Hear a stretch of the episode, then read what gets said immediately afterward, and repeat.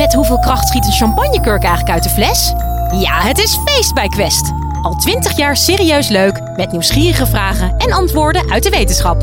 Zo maken we Nederland elke dag een stukje slimmer. Nu in de winkel en op quest.nl.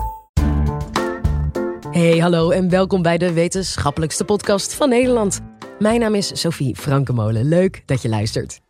Vandaag hebben we het over een onderwerp waar we niet over uitgepraat raken, omdat het altijd doorgaat en waar ook gewoon heel veel over te vertellen is: evolutie. In dit college vertelt bioloog Roy Erkens van Universiteit Maastrichtje waarom grotere hersenen van mannen niet te maken hebben met intelligentie, nee, maar met de smaak van vrouwen. Dit is de Universiteit van Nederland. Mensen steken heel veel tijd in het kiezen van hun partner. En eh, het is niet zo dat mensen random rondlopen en zomaar iemand kiezen en denken, ja, jij bent het, kom. Dat doen mensen niet. Mensen steken heel veel tijd in partnerkeuze. Maar dat is geen algemeen principe. Er zijn heel veel organismen die helemaal geen tijd steken in hun partnerkeuze. Paaiende vissen bijvoorbeeld gooien eicellen het water in, zaadcellen hop, het water in en dat komt maar een beetje bij elkaar. En bevruchting is totaal toevallig. Er is dus helemaal geen keuze. Ook bij planten is het zo dat bijvoorbeeld bij windbestoven planten um, de, de pollen, de geslachtscellen van de planten, gewoon eigenlijk los worden gelaten in de lucht, door de wind worden meegevoerd en dat waait maar een beetje rond. Dus realiseer u dat in het voorjaar u eigenlijk met uw hoofd in een wolk van geslachtscellen loopt.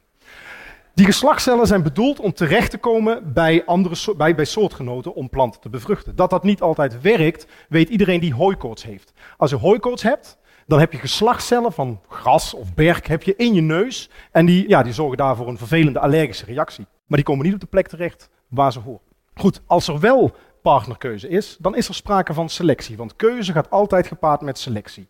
Nou, van seksuele selectie van dit principe zijn eigenlijk twee mechanismen bekend. In het ene geval is het zo dat de jongens sterk moeten zijn en die moeten vechten. Het andere is, jongens moeten mooi zijn. En de vrouwtjes die kiezen. Nou, laten we eerst eens kijken naar het eerste mechanisme. Mannetjes moeten vechten. In dit geval is het zo dat vrouwen een voorkeur hebben voor mannen die sterk zijn. En daarom zal er selectie optreden voor sterke mannen. En dat betekent dat mannen een beetje met elkaar het gevecht aangaan om de sterkste man te zijn. Dat betekent ook dat mannen die op een of andere manier um, ja, sterk kunnen zijn in termen van kracht, maar ook bijvoorbeeld een groot gewei hebben waarmee ze soortgenoten te lijf kunnen, of walrussen die ontzettend lange tanden hebben waar ze elkaar ook te lijf mee gaan, die hebben een voordeel. Er is dus selectie voor grote structuren die helpen andere mannetjes te lijf te gaan. Uh, seksuele dimorfie is daarvan vaak het gevolg, dus mannen zijn groter dan vrouwen in veel van deze soorten. En dit is een redelijk dramatisch proces. Want bijvoorbeeld bij deze walrussen is het zo dat één mannetje uiteindelijk zal paren met bijna alle vrouwtjes. Alle andere mannetjes, niks. Helemaal niks. Het zijn maar een beetje, nou, evolutionair gezien, losers. Ja? Maar het tragische is ook dat het jaar na, dat mannetje wat nu heel veel uh, tijd heeft gestoken in winnen, volgend jaar weer de boel moet verdedigen. Um, er treden verwondingen op, mannetjes sterven. Het is een heel verkwistend uh, proces in termen van energie. Maar het blijft bestaan omdat de beloning zo groot is. Paren met vrouwtjes en nakomelingen krijgen. En in evolutie is het enige dat telt hoeveel nakomelingen laat je na. Een ander mechanisme is niet zozeer dat mannen elkaar bevechten, maar mannen moeten mooi zijn. En in dit geval is het zo dat mannen gekozen worden door vrouwtjes. Het is de vrouw die bepaalt met wie zij paart. Um, dat betekent dat de man eigenlijk overgeleverd is aan de grillen van de vrouw. Datgene wat de vrouw, om welke reden dan ook, de voorkeur aangeeft, dat is het kenmerk dat zal evolueren.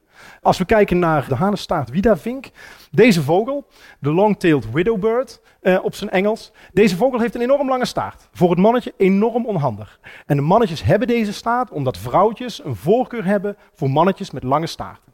Waarom? Geen idee, doet er ook niet toe. Maar omdat vrouwtjes alleen maar paren met mannen met lange staarten, krijg je die enorm lange staart. We weten dit omdat er zijn experimenten gedaan waarbij er mannetjes met een korte staart een staart kregen aangeplakt en mannetjes met een lange staart de staart kregen afgeknipt. En dat mannetje met die korte staart kon eerst geen vrouwtje bemachtigen, maar was helemaal de held toen hij een aangeplakte staart had. En dat mannetje wat eerst heel veel vrouwtjes aantrok omdat het een lange staart had, kreeg helemaal niks meer omdat hij nu een korte staart had. Het tragische voor deze mannen is ook dat vanwege die keuze van de vrouwtjes um, eigenlijk evolutie op hol gaat slaan. Het is namelijk zo dat vrouwtjes hebben een voorkeur en als die voorkeur een genetische basis heeft en dat vrouwtje paart met een mannetje met zo'n lange staart, is in één generatie de voorkeur voor zo'n lange staart, gekoppeld aan de genetische uh, mogelijkheid om zo'n lange staart te maken. En omdat die twee eigenschappen gekoppeld zijn, hebben alle kinderen zowel een voorkeur voor lange staarten als de eigenschap om die staarten te maken. Het slaat echt helemaal op hol. Het enige wat dit proces remt, is op het moment dat de staart zo onhandig wordt voor de man dat hij niet meer kan vluchten en wordt opgegeten, ja, dan is het plafond bereikt. Het interessante van dit proces is dat het ook gesuggereerd is als verklaring voor iets bij de mens. Dat is namelijk onze hersengrootte. Ehm, er is een traditionele theorie die zegt, mensen hebben grote hersenen in vergelijking met hun soortgenoten of met hun nauwe verwanten, de apen. We hebben veel grotere hersenen. Um, dat is lang geassocieerd met het gebruik van werktuigen. Je hebt grote hersenen nodig, want je moet uh, kunnen houden en weet ik wat allemaal. Je moet speren kunnen werpen. Dat is allemaal moeilijk. Ook handcoördinatie heb je grote hersenen voor nodig. Maar als je kijkt naar andere diersoorten, zie je dat sommige diersoorten met veel kleinere hersenen prima gebruik kunnen maken van gereedschappen. Dus er is wat twijfel over die verklaring. Deze verklaring van seksuele selectie zegt, eigenlijk hebben we allemaal grote hersenen, omdat vrouwen vallen op mannen met grote hersenen. En ze vallen op mannen met grote hersenen, omdat mannen met grote hersenen kunnen pralen. Vrouwen vallen op mannen die laten zien hoe goed ze zijn. En het idee is ontrokken aan het feit dat mannen heel erg statusbelust zijn, dikke auto's, grote carrière, etc. En vrouwen vallen op mannen met status. Dus dat, die combinatie heeft geleid tot het idee dat onze grote hersenen wel eens geselecteerd zouden kunnen zijn, omdat grotere hersenen het mogelijk maken beter praalgedrag te vertonen. Nou, of het zo is, dat weet ik niet. Uh, maar ik vind het wel een hele interessante theorie en daarom wilde ik hem even met u, uh, met u delen.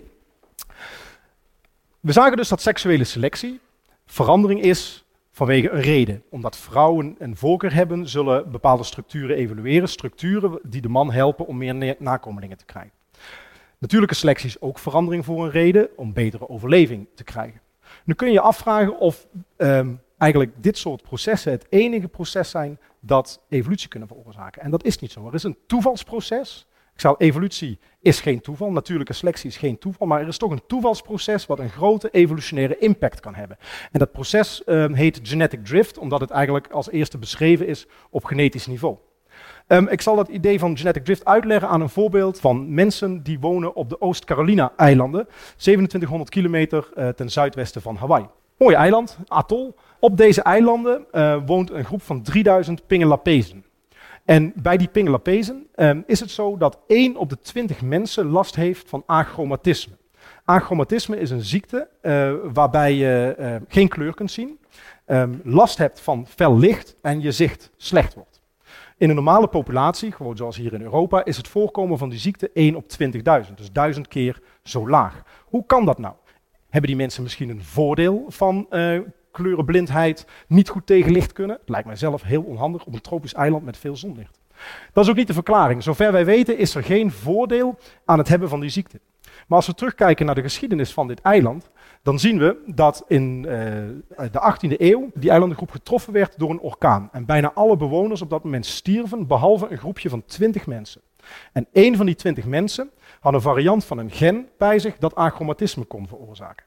Omdat alle 3000 mensen vandaag de dag op dat eiland afstammen van die 20 mensen, komt die ziekte dus relatief veel vaker voor. Zij zijn dus eigenlijk een beetje uh, ja, de prooi geworden van die toevallige orkaan. Een uh, evolutionair ongeluk heeft geleid tot het ontstaan van deze ziekte in die hoge frequentie. Dat betekent dat toeval wel degelijk een grote invloed kan hebben op evolutie.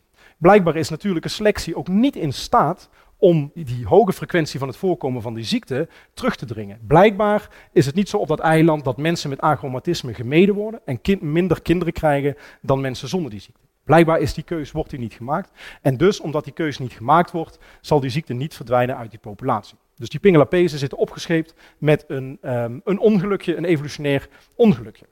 Dus we hebben gezien, toeval kan een hele grote invloed hebben op evolutie, maar selectie heeft ook een hele grote invloed op evolutie. En dus betekent eigenlijk dat, uh, als we bijvoorbeeld zouden kijken naar ons eigen lichaam, je zou verwachten dat aan de ene kant ons lichaam goed is aangepast om te overleven, om te reproduceren, maar aan de andere kant misschien ook wel allerlei elementen bevat die er zijn toevallig omdat ze ooit nuttig waren en vandaag de dag niet meer gebruikt worden.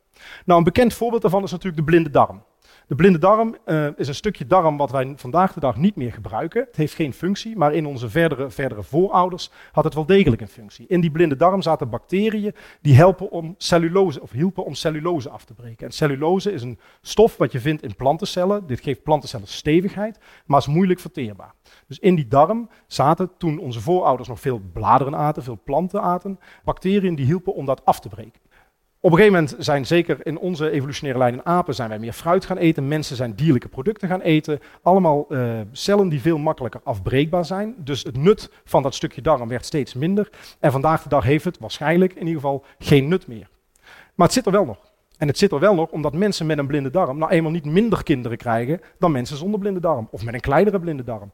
Er is geen reproductief nadeel aan het hebben van een grote of een kleine blinde darm omdat er geen nadeel aan zit, of een voordeel, zal selectie er niks mee doen. En is eigenlijk de blinde darm um, aan toevalsprocessen onderworpen. Het zou kunnen verdwijnen, maar misschien blijven we er wel altijd mee zitten. Dus dat is een stukje evolutionaire geschiedenis die we nog hebben. Een ander stukje evolutionair verleden kunt u zien als u elkaar in de ogen kijkt. Als u kijkt naar de ooghoeken, dan zie je daar kleine roze bolletjes. Nou, ooit eens afgevraagd wat dat zijn, die kleine roze bolletjes. Dat zijn producten van uw evolutionaire verleden. Denk eens even aan een krokodil.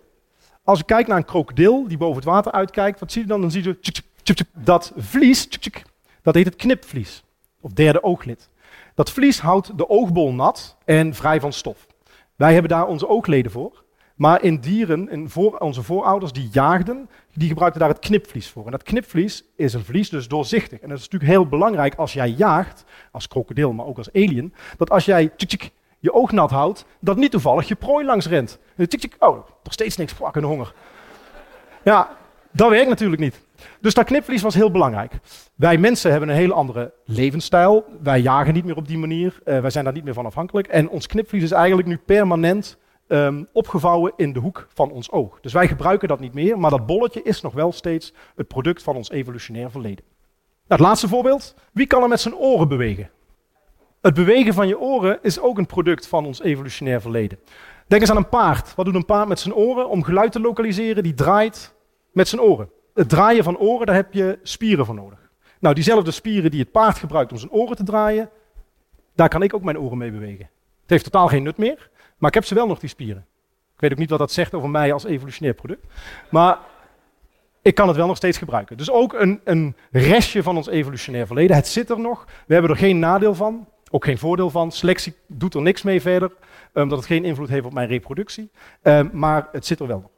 Nou, om samen te vatten. Uh, we begonnen met de vraag: waarom heeft seksuele selectie gezorgd voor mooie mannen met blinde darmen, met zinloze blinde darmen? Nou, seksuele selectie heeft gezorgd voor mooie mannen. Ja, omdat vrouwen vallen op mooie mannen. Dat antwoord is heel simpel. Waarom hebben mooie mannen blinde darmen? Nou, omdat ook mooie mannen het product zijn van evolutie en restjes in zich hebben uit een ver evolutionair verleden. Dat was Roy Erkens. Vond je het een leuk college? Check dan vooral ook een van onze 400 plus andere afleveringen. Mij hoor je volgende keer weer en dan beantwoorden we een belangrijke vraag. Bestaat de perfecte mop? Dus vooral voor alle humorloos mensen, goed opletten volgende keer.